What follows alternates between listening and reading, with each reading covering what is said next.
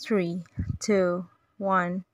Ladies and gentlemen, you're listening to Podcast with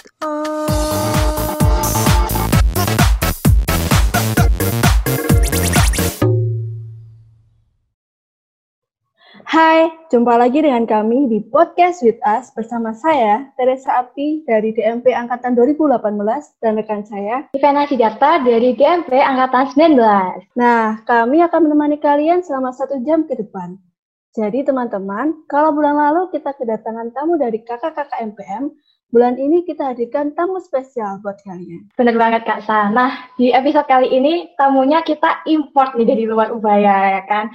Kemarin itu setelah episode pertama banyak yang minta kan, contohnya itu dong yang udah kerja gitu kan. Karena mungkin teman-teman pengen belajar dari orang yang sudah bekerja di dunia kreatif. Nah, kita kabulin nih permintaan kalian. Ya, jadi hari ini kita kedatangan kakak-kakak dari Holawol.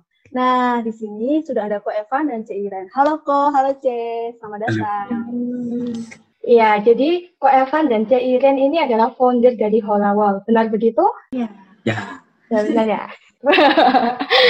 ya, jadi boleh dong Koko dan Cece ini memperkenalkan diri, siapa, dan ceritain ke kita juga Holawol itu apa sih kayak gitu.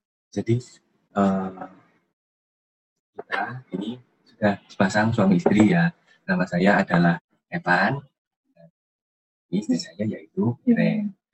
Eh, kita ini sekarang kerja di bidang kreatif yang eh, fokusnya itu ada di mural dan di eh, branding kayak eh, sosmed juga, terus di eh, logo dan perit-peritnya lainnya. Tapi yang kita bahas kali ini kan dari sisi holawolnya. Nah, holawol ini apa? Holawol ini eh, kayak kayak company yang banyak ngerjain mural-mural, spesifik di mural, dan ini muralnya original dan dan oke lah di Surabaya. Eh, terus kok sejak kapan sih Holawol itu dibentuk? Holawol ini sebelumnya ceritanya ya. Jadi eh, Holawol itu baru-baru aja ada tahun 2018 kalau untuk nama Holawol itu sendiri.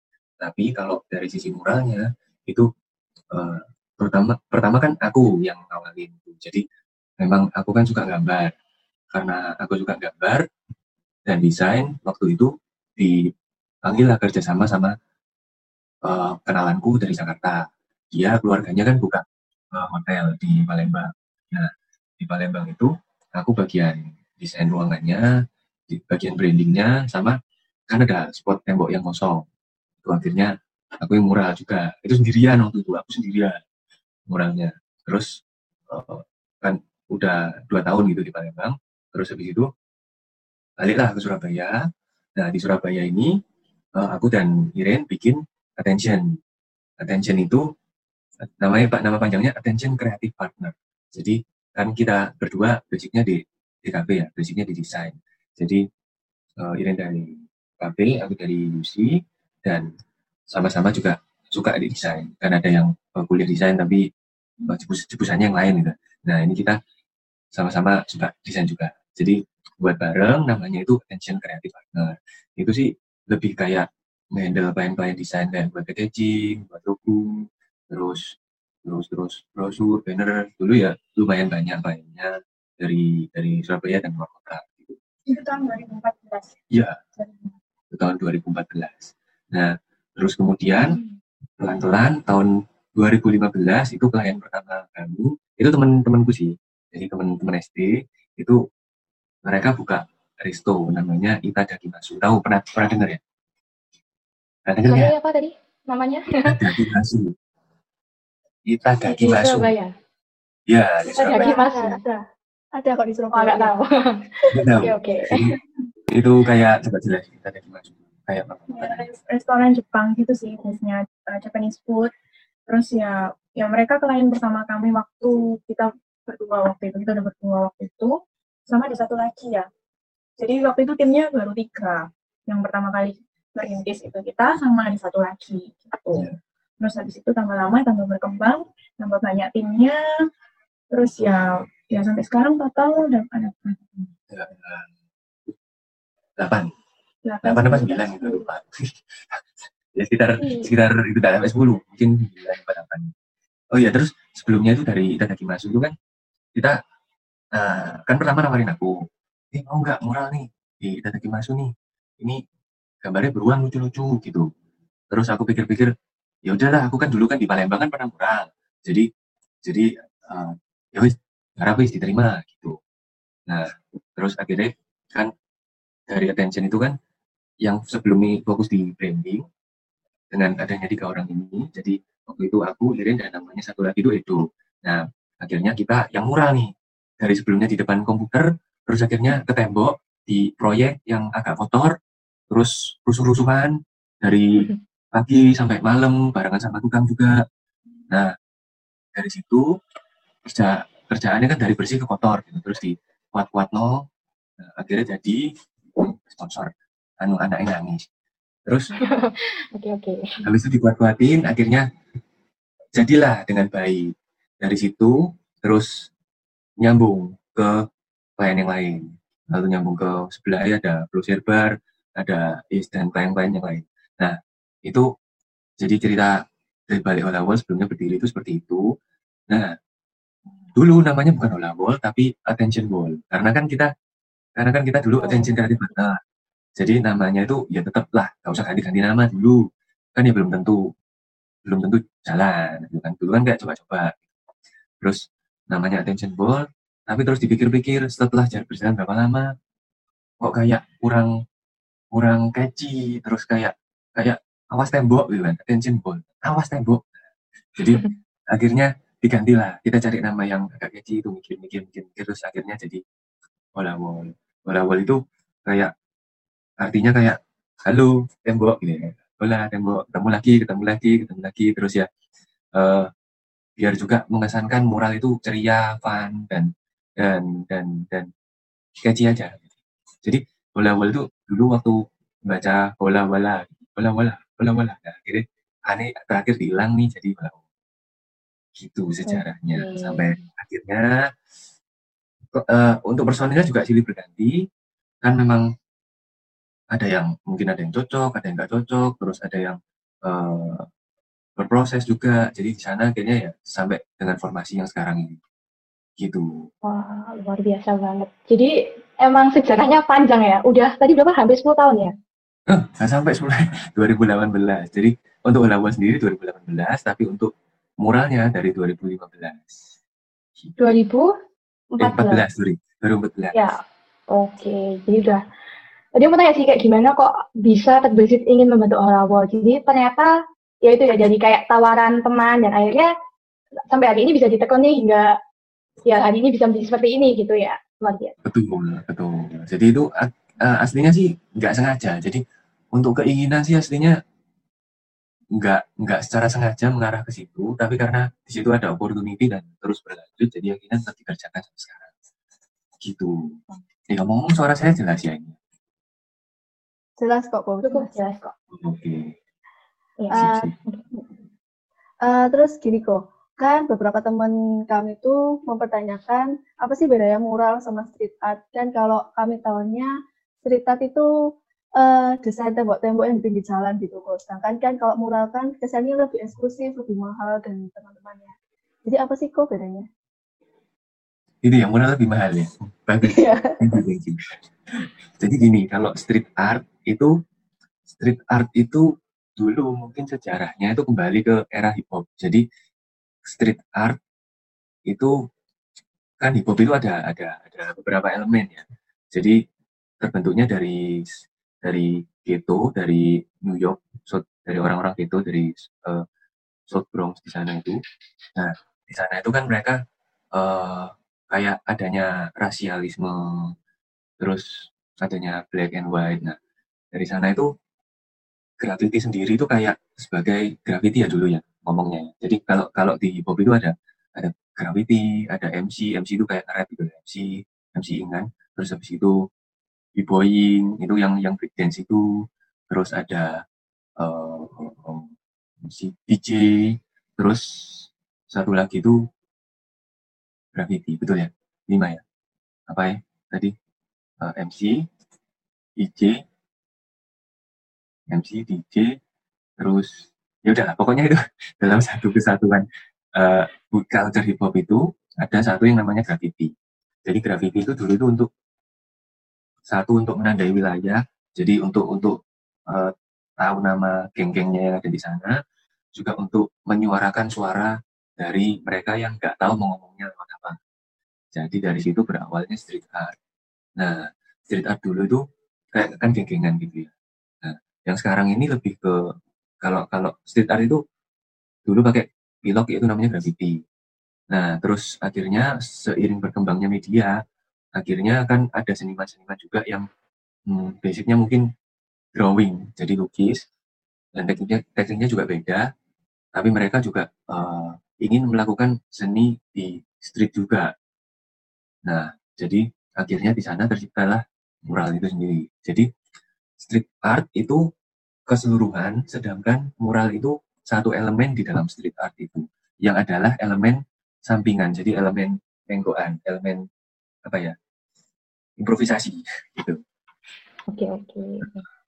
Jadi intinya ya, mural itu sih ya ya kayak lukisan tapi ada ada di tembok, ada di street gitu. Gitu. Hmm. Wah, ini penjelasannya udah kayak dosen lagi ngajar di kelas ini. Luar hmm. biasa banget. Dapat ilmu langsung luar biasa. Nah, jadi um, dari KFS sendiri nih, uh, tadi kan kalau dengar ceritanya awalnya terbesit bangun holawol karena ada kebetulan gitu kan ada temen nawari terus langsung dapat uh, job-job lain gitu jadi uh, apakah perjuangan membangun bisnis di apa ya dunia kreatif seperti ini tuh mulus gitu ya kayak selalu dapat job gitu. Atau juga kayak ada kadang-kadang nggak sepi job terus bingung harus gimana. Atau ya itu selalu ada aja job uh, ya.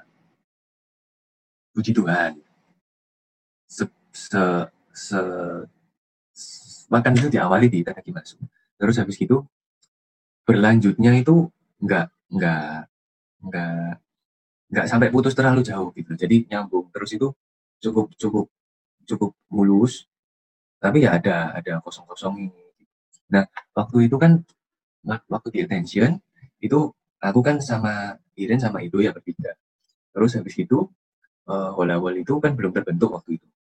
Nah, attention itu saat saat tengah-tengah itu agak-agak ada goyangan juga. Jadi dari sisi klien juga lagi menurun. Terus habis itu dari kan kan itu dulu kan ya juga gaji gitu kan. Jadi kita kita beranikan diri untuk nge-hire uh, desainer. Nah, meskipun jadi jadi kita itu mau manajemen gitu. Jadi ada desainer mau waktu itu juga ada goncangan jadi sampai akhirnya ditawarin temanku join ke perusahaan mereka. Nah, ketika join, jadi kan attention agak-agak tersisi ini. Jadi kita kita nemplok di perusahaannya teman. Karena itu juga waktu itu juga lagi turun, jadi life savernya ini temanku ini. Nah, akhirnya jalan dulu, jalan dulu sambil jalan sama temanku ini, eh ternyata muralnya juga masih jalan.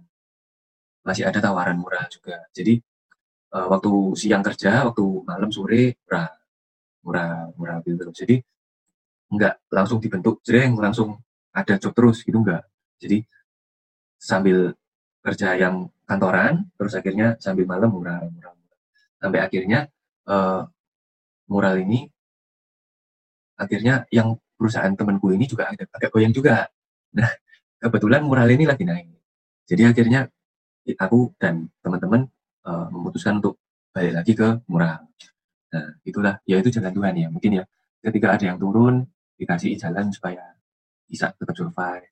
Terus habis itu, uh, waktu moral ini naik, ya bisa naik juga gitu. Jadi, jadi bilang mulu sih, ya enggak. Sampai sekarang pun, untuk untuk struggle itu lebih di, kan moral ini kan skill kan. Jadi, struggle-nya itu lebih di SDM. Lebih dicari tim yang memang cocok, tim yang bisa diajak kerja sama dan tim yang punya skill yang bagus gitu. Jadi tim yang punya attitude yang, attitude yang bagus dan skill yang bagus. Tapi attitude ini kan yang pertama dan cukup jarang nyari tim yang attitude-nya bagus meskipun mereka skillnya bagus.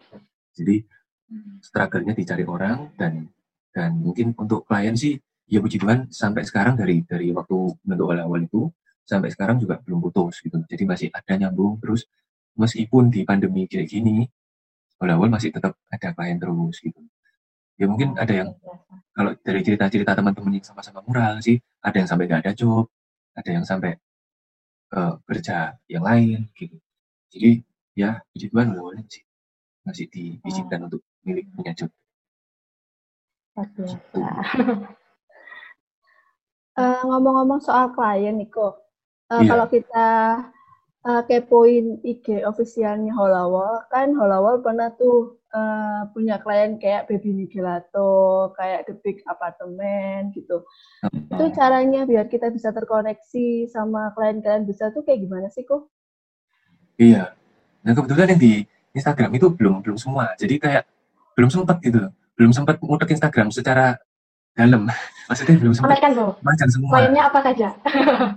Berarti banyak ya kok ya?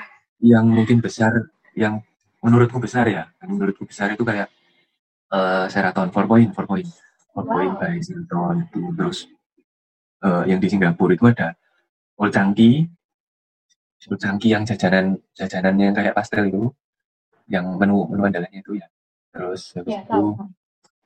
Itu terus ada hmm, Madam Chang Madam Chang itu juga lumayan gede lainnya menurut kita.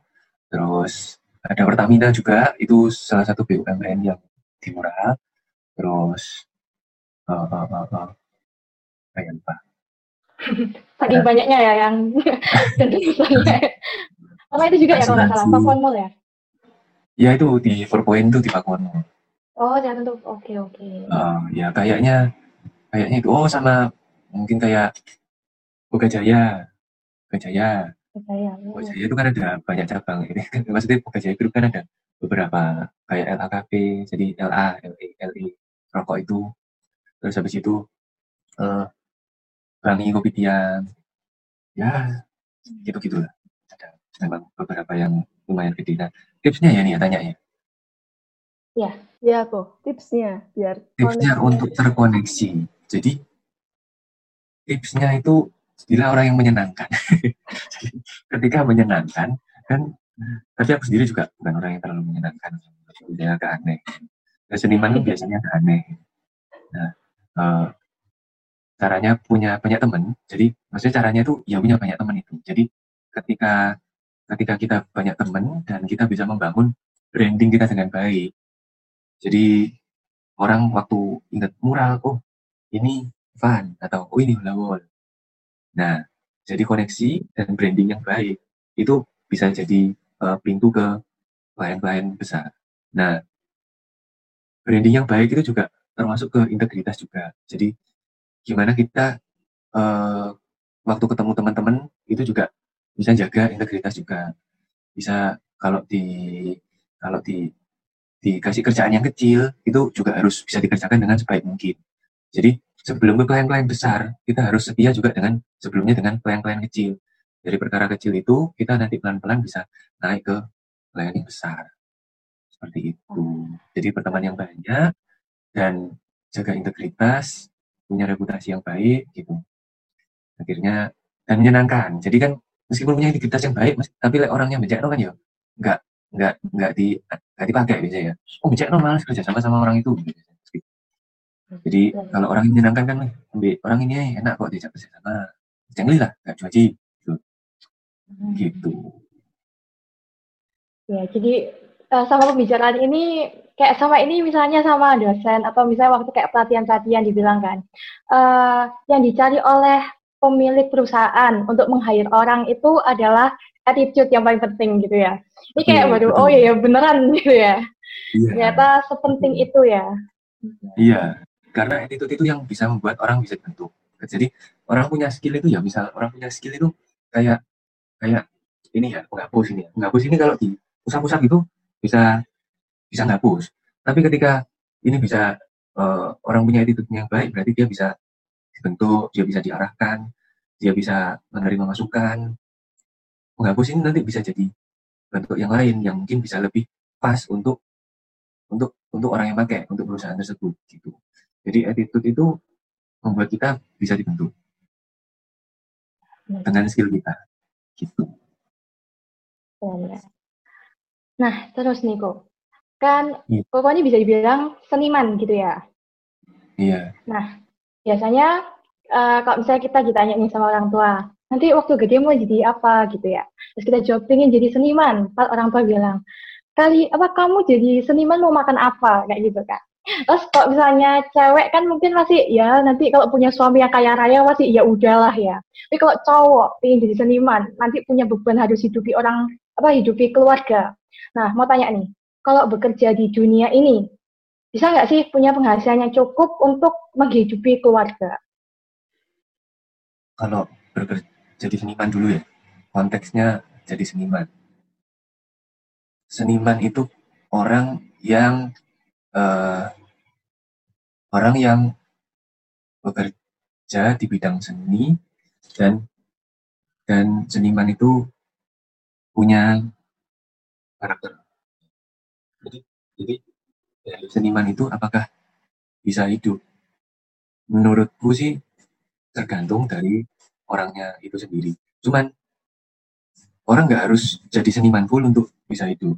Jadi di dalam hidup ini tuh kan ada yang namanya kita bisa jadi kita punya kerjaan tapi kita punya passion. Jadi kalau nggak harus seniman kita pegang untuk untuk bisa jadi untuk bisa ya mungkin kalau kita idealis itu dan dipaksakan kita bisa nemu jalan itu tapi nggak semua orang bisa menemukan itu jadi ada yang namanya uh, money maker sama star maker. Ini yang namanya ini aku dengar ini dari Ayo Teguh. Jadi jadi money maker dan star maker. Star maker itu waktu kamu jadi seniman itu star maker. Kamu bisa dikenal orang seperti apa? Kamu bisa uh, meng mengaktualisasikan dirimu dengan seni yang kamu punya. Itu star maker. Itu bisa di dance itu bisa di uh, gambar itu bisa di mana pun apa pun yang apa pun seni yang yang disukai. Nah money maker itu adalah penghasilan yang bisa menghidupi kita. Belum belum tentu uh, star maker ini sejalan dengan money maker karena money maker balik lagi ke supply and demand. Balik lagi ke permintaan dan sebagaimana orang bisa menghargai seni, menghargai apa yang kita kerjakan. Nah, ketika seni itu bisa sesuai dengan demand, sesuai dengan uh, pasar, seni itu bisa masuk. Cuman balik lagi belum tentu orang bisa menghargai seni itu sebagaimana yang kita harapkan, yang seniman ini harapkan. Jadi uh, itu kembali lagi ke senimannya bagaimana mereka bisa menghargai seni mereka sendiri sebelum seni itu dihargai oleh orang lain. Jadi seni itu bisa menghasilkan apabila dia sesuai dengan demand dan seni itu bisa dihargai lebih dan sesuai dengan kebutuhan hidup oleh kebutuhan hidupnya seniman itu. Nah, itu dengan syarat itu seni itu bisa menghidupi seniman itu. Gitu. Mantul nggak? Terus kembali. Kalau kalau aku, kalau dari awal sendiri, ya ya bisa. Kalau dari mural ini, aku bisa merit, ya bisa merit dengan dengan dengan resepsi yang waktu itu ya ya lumayan gitu. Jadi itu semua juga dari mural, terus bisa uh, mungkin ya agak ya ya beli mobil juga, meskipun mungkin ya ada dari kerjaan yang sebelumnya ya bisa beli mobil juga, sama sekarang ya bisa nyicil rumah juga dari mural itu. Jadi ya hidup Nah, gitu. Kalau boleh tahu nih, menjawab? Kenapa? Menjawab, menjawab. Kalau boleh tahu nih, uh, tarifnya Holawol kayak biasanya itu sekitar kisaran berapa sampai berapa sih? Tarifnya Holawol. Nah, ini kan kalau Holawol itu per meter hitungannya. Per meter itu uh, untuk rate bawahnya 450.000 per meter, untuk rate paling atas itu satu juta per meter. Hmm.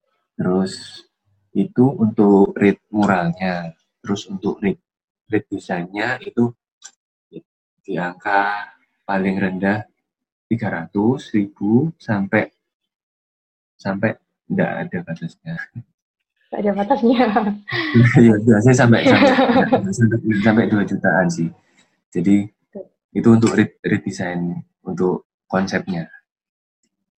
Jadi ada red design sama red mural.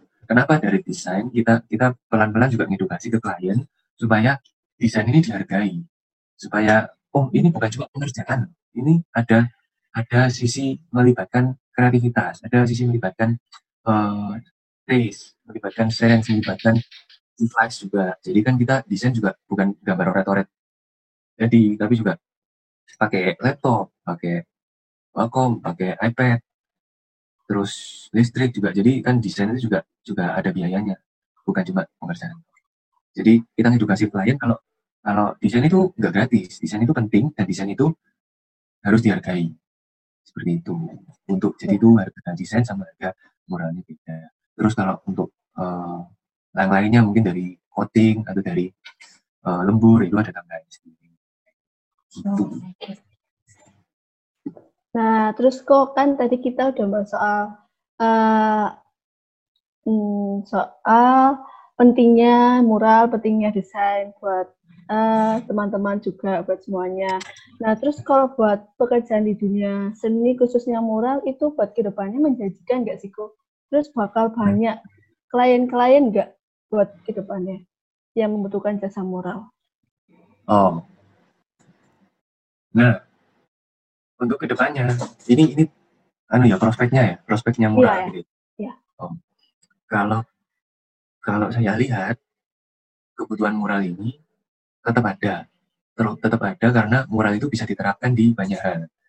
Jadi di di kantor bisa, di resto bisa, di bank dan public space bisa. Nah, ketika ada corona, public space kan menyempit public space menyempit orang lebih banyak kerja di rumah. Nah, orang akan jarang ke public space, otomatis permintaan dari resto dan permintaan dari public space yang lainnya akan menurun. menurun. Nah, hmm. ketika permintaan ini menurun, akan ada permintaan baru dari rumah tangga, yaitu dari mungkin ada bisa di kamar anak atau di hunian ketika mereka sering di rumah, kan biasanya uh, yang di rumah banyak yang beres-beres, banyak yang bersihin rumah, banyak yang bercocok tanam. Nah, juga ada yang bagusin kamar anaknya nih. Kan kan anaknya sekarang sering di rumah, sering sekolah kuliah itu juga sekolah di rumah. Nah di sana kan ada ada apa namanya chance juga untuk mereka order datang dari rumah tangga. Jadi hmm. mungkin ya tetap, tetap ada terus, cuman mungkin demandnya juga nggak sebanyak dulu karena pandemi ini kan banyak sektor perekonomian yang terpukul otomatis untuk keuangannya personal mungkin juga nggak nggak semuanya baik ada yang turun juga jadi chance untuk ada lain baru sih mungkin menurun untuk saat-saat ini. Tapi uh, kebutuhan itu akan tetap ada. Jadi ya prospeknya sih cukup oke okay, selagi mural itu terus dihargai.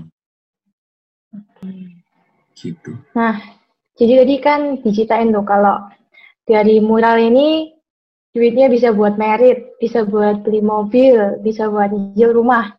Mungkin teman-teman yang nonton ini mulai berpikir kayak wah kayaknya nih uh, pekerjaan yang cukup oke okay ya gitu ya.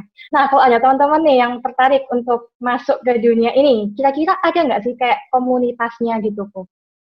Komunitasnya itu kalau di kalau di yang aku tahu ya ada yang benar-benar street banget Nah, itu ada komunitasnya. Tapi untuk yang komunitas yang untuk uh, apa ya, anggapannya kayak komersil atau enggak yang kayak untuk kerjaan itu kayaknya belum.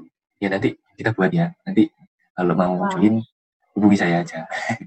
Waduh ya, teman-teman nanti yang uh, pengen join bisa nih kontak kokonya.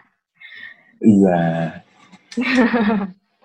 nah mungkin teman-teman juga bakal nanya sih kayak syarat-syaratnya biar bisa join ke Holawol gitu gimana sih kok? Syaratnya bisa basic gambar, ya bisa basic, ah, sorry, gambar, terus juga painting ya. Jadi gambar kan ini painting pakai cat ya. Terus ya basic aja nanti nanti sih diajarin pelan-pelan sambil melatih base-nya juga. Terus terus punya transport. Ya kayak ngelamar kerja ya, aja. Ya, pokoknya mereka passionate dan mau, di, mau dibentuk gitu. Ya. Jadi uh, ya, ingat tuh guys attitude-nya harus baik. Jadi kalau saat ini kayak holawol gitu masih kayak lagi cari-cari orang atau rasa oke okay, sudah komplit gitu timnya? Hmm, kita sih tetap membuka kesempatan ya. Jadi kan belum tentu belum tentu yang tim tim yang sekarang ini akan juga terus bisa bertahan juga sampai lama. Karena kan namanya orang kerja kan juga keluar masuk. Di mana pun kan ya gitu. Jadi kita nggak menutup kemungkinan untuk untuk ada orang baru untuk ada orang yang mau coba. It's okay. Bisa coba-coba buat teman-teman mungkin ini ada yang lulusan FIK lagi nonton ya kan? Bisa. Yang merasa bisa pasti kalau lulusan FIK bisa painting lah. Terus merasa attitude-nya baik ya kan? Atau kalau misalnya belum lulus gitu boleh nggak kok? Kira-kira. Belum lulus sih bisa tapi ya tapi ya mungkin nggak full time. Ya maksudnya gini ya. pekerjaan mural itu lama. Jadi kadang dari pagi sampai malam eh sorry dari pagi sampai sore. Terus kadang kadang malam sampai sore sore sampai malam gitu. Jadi kalau misal lagi kuliah ya nanti ya nyari yang jamnya kosong. Kalau yang nggak tahu jam kosong ya udah. Soalnya kan beda tempat beda jam kerja. Kalau di mall mungkin cuma cuma jam kerja atau eh, di rumah orang cuma jam kerja atau terus yang di mall bisa sampai malam. Nggak mesti jadi ya nanti komunikasi aja bisa janji. Nah ini um, mau tanya nih sama Cik Iren, tapi Cik Irennya lagi masih sibuk ya? Masih mau dipanggil ya? Mau dipanggil? Uh, kalau misalnya nggak lagi sibuk nggak apa-apa. Iya. Kalau masih bisa. Ya, dipanggil ya? Tak panggil ya? Boleh, boleh. Coba ya. Bisa dikat. Ya, boleh, boleh. Bisa, bisa, bisa. Nanti dikat. Nah, nah, tidur ya? Ya. Anaknya. Oke, mau tanya nih. Jadi tadi kan kita udah banyak ngobrol nih sama Ko Evan tentang Holawol gitu kan. Nah, untuk Cece nih, sebagai Cece juga seniman sih. Tapi gimana rasanya punya uh, pendamping seorang seniman? Mungkin kayak tadi dibilang, kalau seniman biasanya agak aneh atau mungkin sibuk gak pernah di rumah gitu. Gimana Cek rasanya punya pendamping seorang seniman? Oh, rasanya ya ya orangnya rasanya aneh orangnya aneh soalnya ya. Mungkin karena dia terlalu apa terlalu berimajinasi yang enggak gitu kan aneh kan. Tuh nah terus uh, karena dia merasa pekerjaannya itu hobinya dia juga kan jadi jadi dia kerjanya enggak nggak ada jam kerja. Waktunya istirahat itu juga kerja. Waktunya uh, rekreasi itu juga kerja. Jadi dia karena dia merasa pekerjaannya itu kan juga hobinya dia gitu. Itu udah udah refreshing gitu buat dia. Jadi ya dia selalu kerja all the time. All the time. Ya jadi buat uh, kalian ya yang cowok-cowok pengen bekerja di sini nggak usah khawatir ya. Ada kok cewek-cewek yang eh, nggak uh, takut untuk punya suami seorang seniman guys. Oke okay, next question nih. Kak Sasa mau tanya nih. Uh, buat Ko Evan deh, buat Ko Evan uh, keinginan Ko Evan buat Holawol ke depannya kayak gimana kok? Atau mungkin dari Koko pingin uh, punya cabang Holawol di seluruh dunia gitu misalnya atau kayak gimana? Ya, kalau visinya ya, jadi Holawol ini visinya hmm, depannya mungkin yang paling dekat ya kita coba berkreasi dengan banyak media, yaitu banyak ya jadi nggak cuma nggak cuma cat-cat yang itu itu aja, jadi mungkin coba ke cat UV, cek uh, fluoresen dan dan media-media lain. Terus untuk itu dari sisi media, terus untuk sisi cabang sih ada keinginan untuk buka di tempat lain. Cuman kan namanya seni itu untuk di bisnisnya yang terlalu banyak itu ya, ya agak susah karena seni itu cakupannya sama idealis. Jadi kalau mau idealis ya harus dikontrol dengan baik, harus dijaga dewek gitu. Jadi itu yang mungkin halangan untuk membuat cabang di tempat lain. Jadi tidak ada dari sisi idealis itu juga.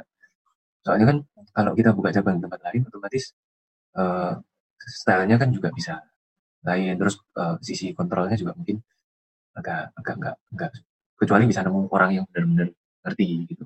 Balik lagi ke SDM-nya apa bisa. Tapi ya ada keinginan. Terus untuk dari sisi personilnya.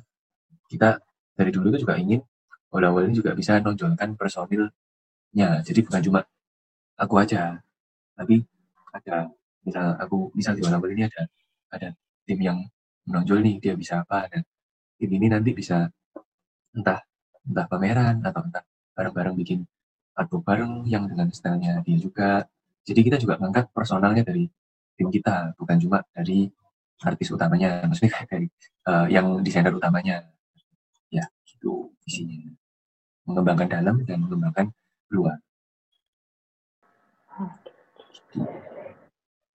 Hmm, terus uh, sekarang kan udah masuk era 5.0 ya, gue ya. Nah, ya. untuk bekerja di dunia kreatif ini, apa sih kesusahannya? Uh, mungkin dari C. Iren juga kan juga bekerja di dunia kreatif kan, jadi sosial media manajemen ya. Itu ap apa juga kesusahannya? Ayo. Uh, kesusahannya Kayaknya nggak ada ya, susah soalnya menjelaskannya.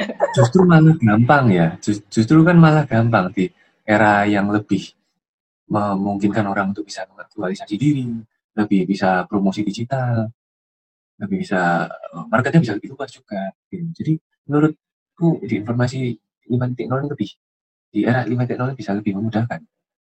Gitu. Oh, ada lagi. Yang tantangannya kalau dari sisi murah itu tergantikannya mural dengan mesin. Nah, itu tantangan. Hmm. Kan kan uh, mural kan tangan ya. Itu kan yang bikin itu jadi spesial, yang bikin jadi uh, lebih punya nilai jual yang tinggi, lebih fleksibel, ditaruh di banyak tempat. Nah, contohnya kayak di tembok gelombang itu atau di, di batu bata atau di, di media lain itu kita bisa sesuaikan. Tapi kalau itu bisa digantikan oleh mesin, itu punya tantangan itu jadi tantangan yang baru. Karena orang kan pasti lebih mikir ke yang cepat aja yang yang ya ya kayak merinding gitu kan jadi nah itu tantangannya. Kalau dari sisi moral. Kalau dari sisi dari wah, sosial media management sih mungkin tantangannya dulu waktu pertama kali aku ngerjain kayak ini kerjaannya masih apa tuh namanya masih baru gitu ya di di telinganya orang. Kalau sekarang sih kayak semua hampir semua udah tahu sosial media management dan sangat banyak saingannya gitu kan. Jadi bagaimana tantangannya ya bagaimana kita mempertahankan itu dan uh, mengembangkan lagi karena kan nggak bisa nih sama dengan yang dulu waktu orang belum tahu pasti kan saingannya kita semakin berkembang juga kan dengan berkembangnya teknologi juga ada website dan uh, sosial media juga sekarang sudah berubah banget kan fitur-fiturnya dari yang dulu jadi ya tantangannya ya harus terus mempelajari fitur-fiturnya sosial media terus ya harus belajar teknologi-teknologi yang baru juga gitu Nah, terus tadi kan uh, Evan udah cerita tuh, kalau di era corona seperti ini mungkin hal awal masih ya apa ya, masih ada lah job gitu kan dari orang-orang yang minta rumahnya di dekor gitu.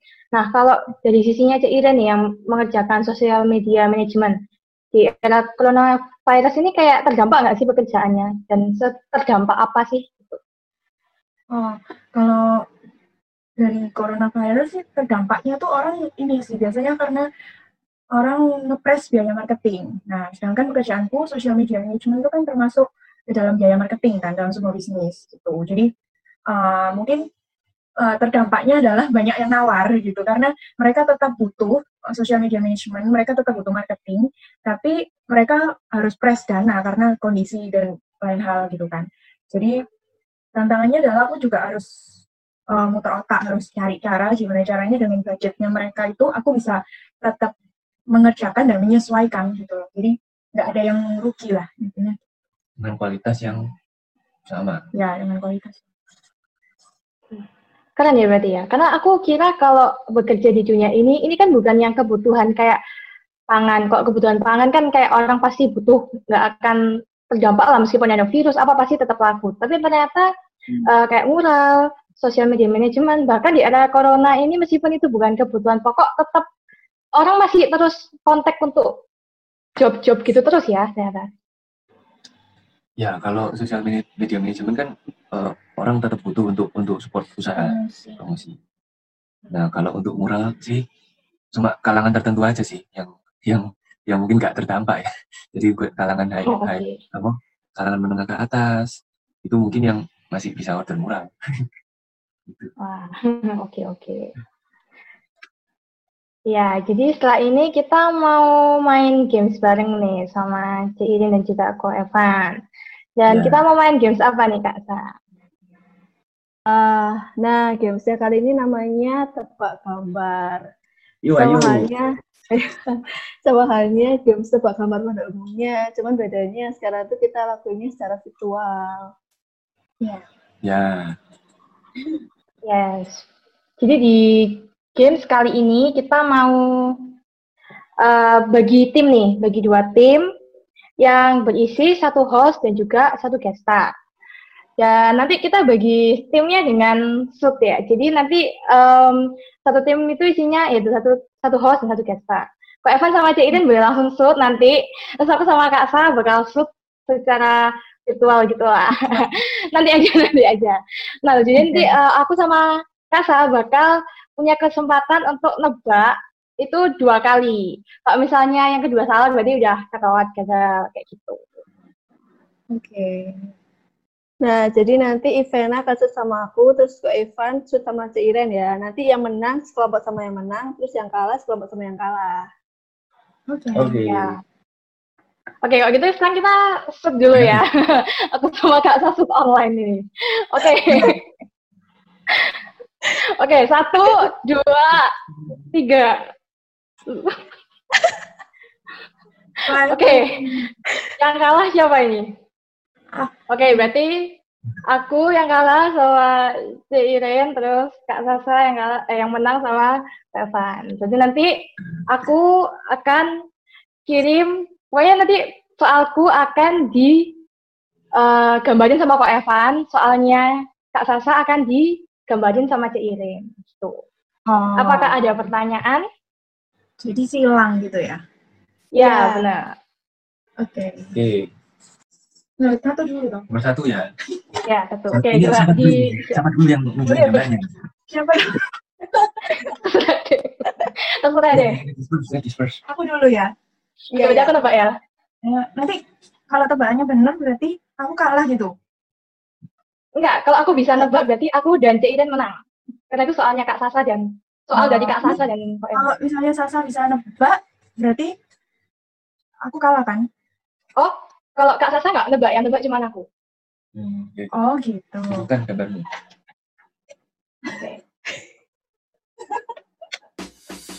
Tuyul. Tuyul tidur. Itu yang benar. Saya botak gitu loh. Apa ya? Terus terus. Oh, Lagi, lagi, lagi. monyet tidur. Ya. Ah, dikit lagi. Dikit lagi, dikit lagi, hampir, hampir. Bisa jadi, bisa jadi. Terus, terus. Orang hutan tidur. Evan. Pak Evan tidur. Direvisi nggak gambarnya? Kita. Emang itu apa ya? Boleh ya? Emangnya itu apa? Boleh sih. Memangnya itu apa ya? Oh, enggak. Menyerah, menyerah. Ya, menyerah. Menyerah, menyerah, menyerah. Silakan. Ayo Sasa, Sasa. Jawabannya monyet mengantuk. Oh, oke oke iya iya. Dikit lagi lah ya. Anjing menggonggong. Benar benar. Betul nih. Benar benar. Yeay. Ini gampang nomor satu. Betul, betul. Emang kelas Seniman beda guys, gambar cepet-cepetan anjingnya bagus banget. Oke, next next. Ke soal nomor dua kita timer ya, yang soal nomor dua. Ya. Kita 15 detik. Di timer sama Kak Sasa nih. Oke, Kak Sasa, Iya, iya. silahkan memandu Kak Sasa. Eh, satu, dua, tiga. Sepuluh, sembilan, delapan, tujuh, enam, lima, empat, tiga, dua, satu. Oke, silakan siapa pun yang mau duluan. Nanti kamu ada tahan.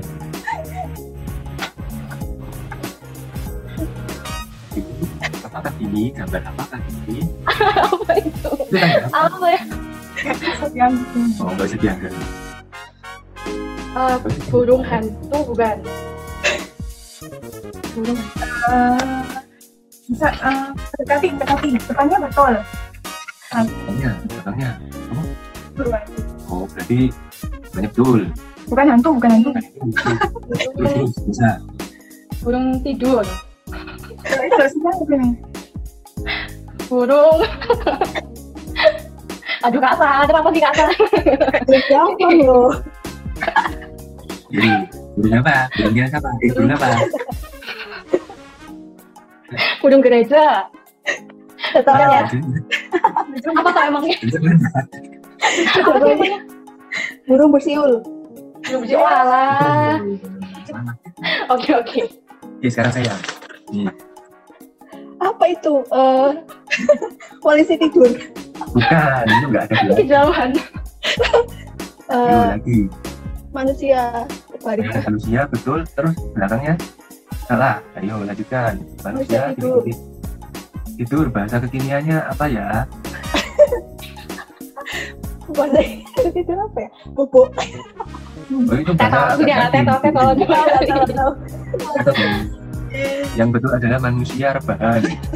Oke. Sekarang kan lagi usung rebahan ya. Iya benar banget. Lanjutkan ke Naik naik. Ke Nomor tiga. Nomor tiga. Ini soalnya agak mulai agak absurd. wah ya ini agak agak absurd. Imajinasi Dua, tiga. Sepuluh, sembilan, delapan, tujuh, enam, lima, empat, tiga, dua, satu. Stop. Oke, siapa dulu nih? Ya, aku dulu ya. Oke.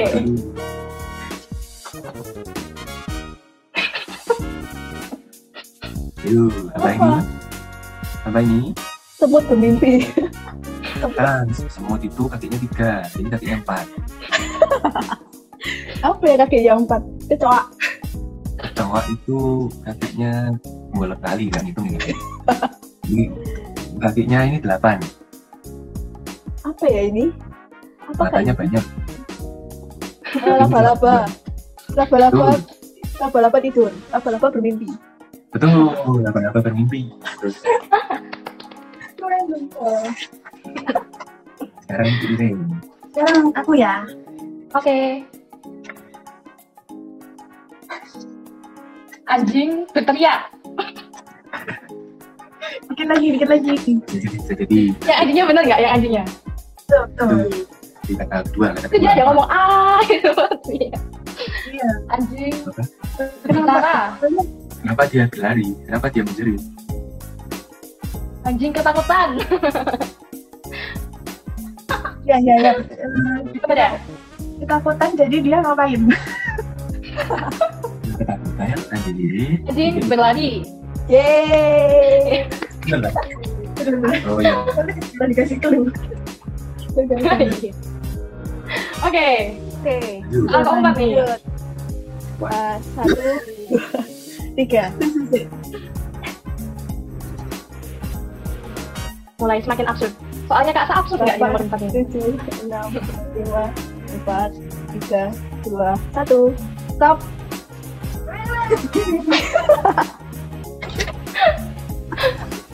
Eh, Siapa? Siapa dulu?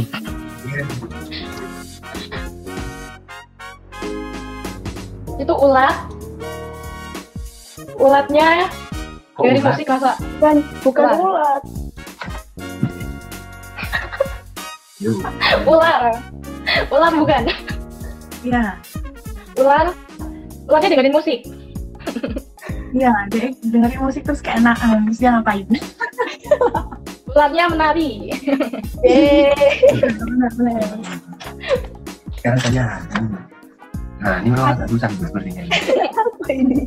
Kadal. Cicak. Ya, kadalnya betul. Oh, kadal. Kadal, Kadal. Kadal ngomong. ngomong, ngom- kurang, kurang. Kalau ngomong itu kan biasa. Ini agak Oh, marah, marah. Nah, nah, lanjut, terus, terus, terus. Dia, dia bersuara kok. Terus, terus. Suara. Ma- bukan marah-marah ya, kok? Apa tuh? Ya, kalau marah mungkin bisa, tapi nggak ada, nggak ada kata-katanya. Yang out of the box kak. Aduh, mati aku. Kok susah sih? eh, eh, kadang melakukan hal yang dilakukan oleh binatang lain ini. Kadang melakukan hal yang dilakukan oleh binatang buas lainnya. Menggonggong. Menggonggong? Bukan. Ya, lainnya selain menggonggong. Ayo. Terus teruskan. Semacam menggonggong, tapi lebih keras. Waduh, teriak bukan ya? Apa ya? Bukan. Berteriak versi binatang. Waduh. Belum pernah ngobrol sama binatang saya. Ya, harus sering-sering. Kalau siluman itu harus sering ngobrol sama binatang. Kalau gambar gambar binatang itu seperti bahasanya. Wah, susah itu saya menyerah sih. Ini adalah kadal mengaum. Oke. Tulisan aum, aum. Ya. Oh, itu itu tahu. Kayak tuh gambarnya terakhir ya. Terakhir ya. Ya, Oke, terakhir nih. Nih. Wah, Satu, dua, tiga.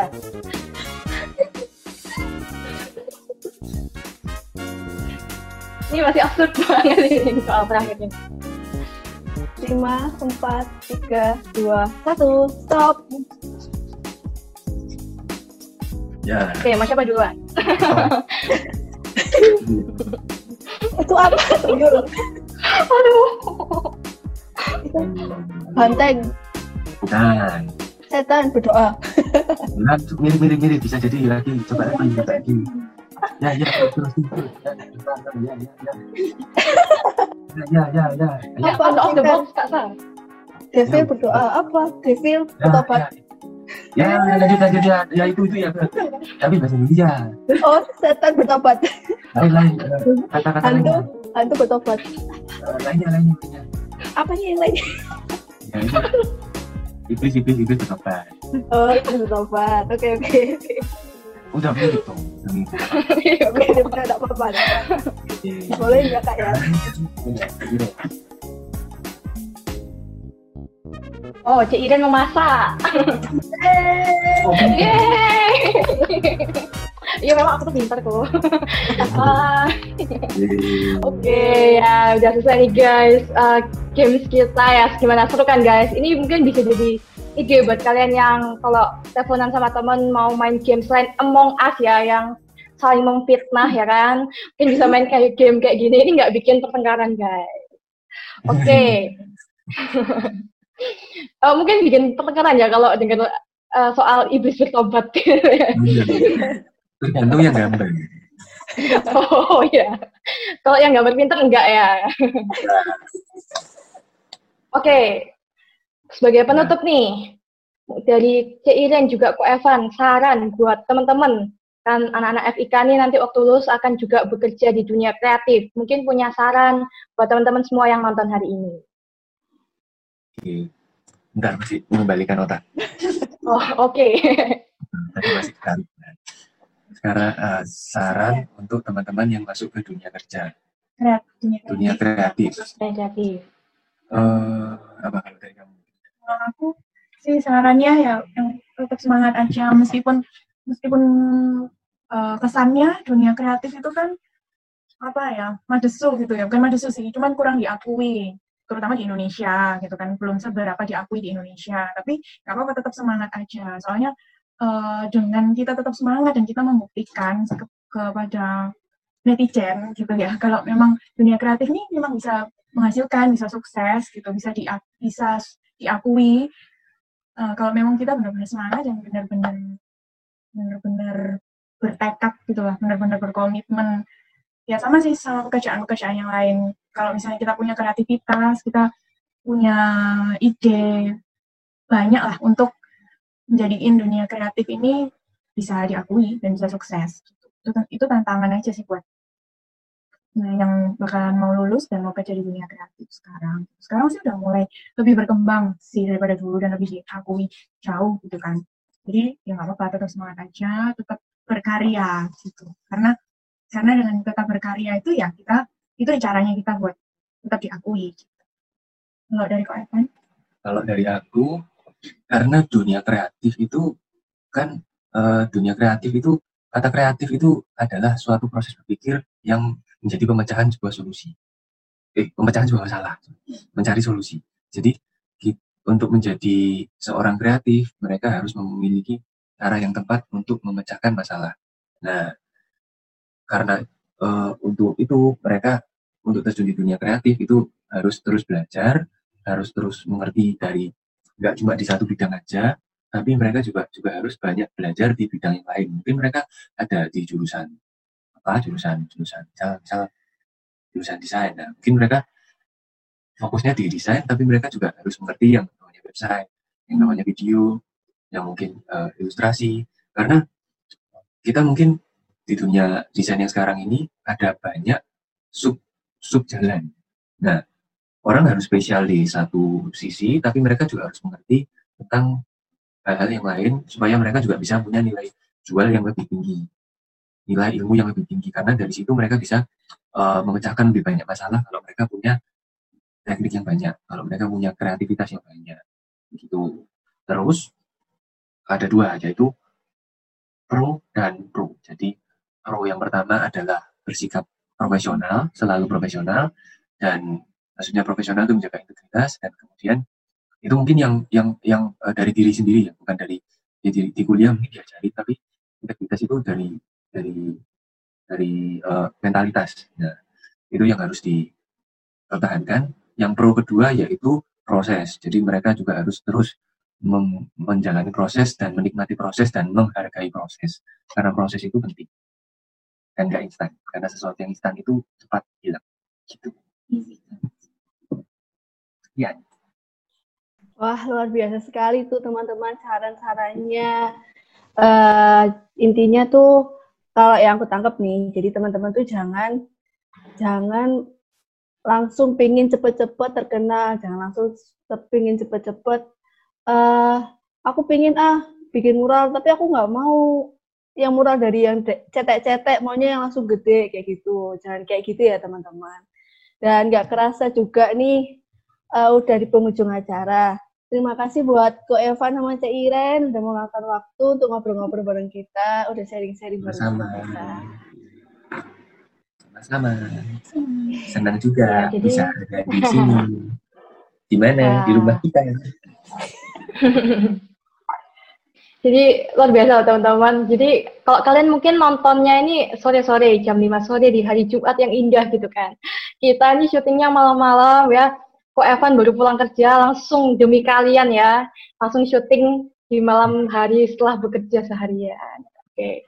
Nah, buat teman-teman nih yang mungkin sama pandemi ini kayak di dinding kamar yang warnanya putih polos ini gitu kan, mungkin bisa kontak Holawol minta dilukisin Maldives gitu boleh ya, aku Evan ya, Cik Iren ya.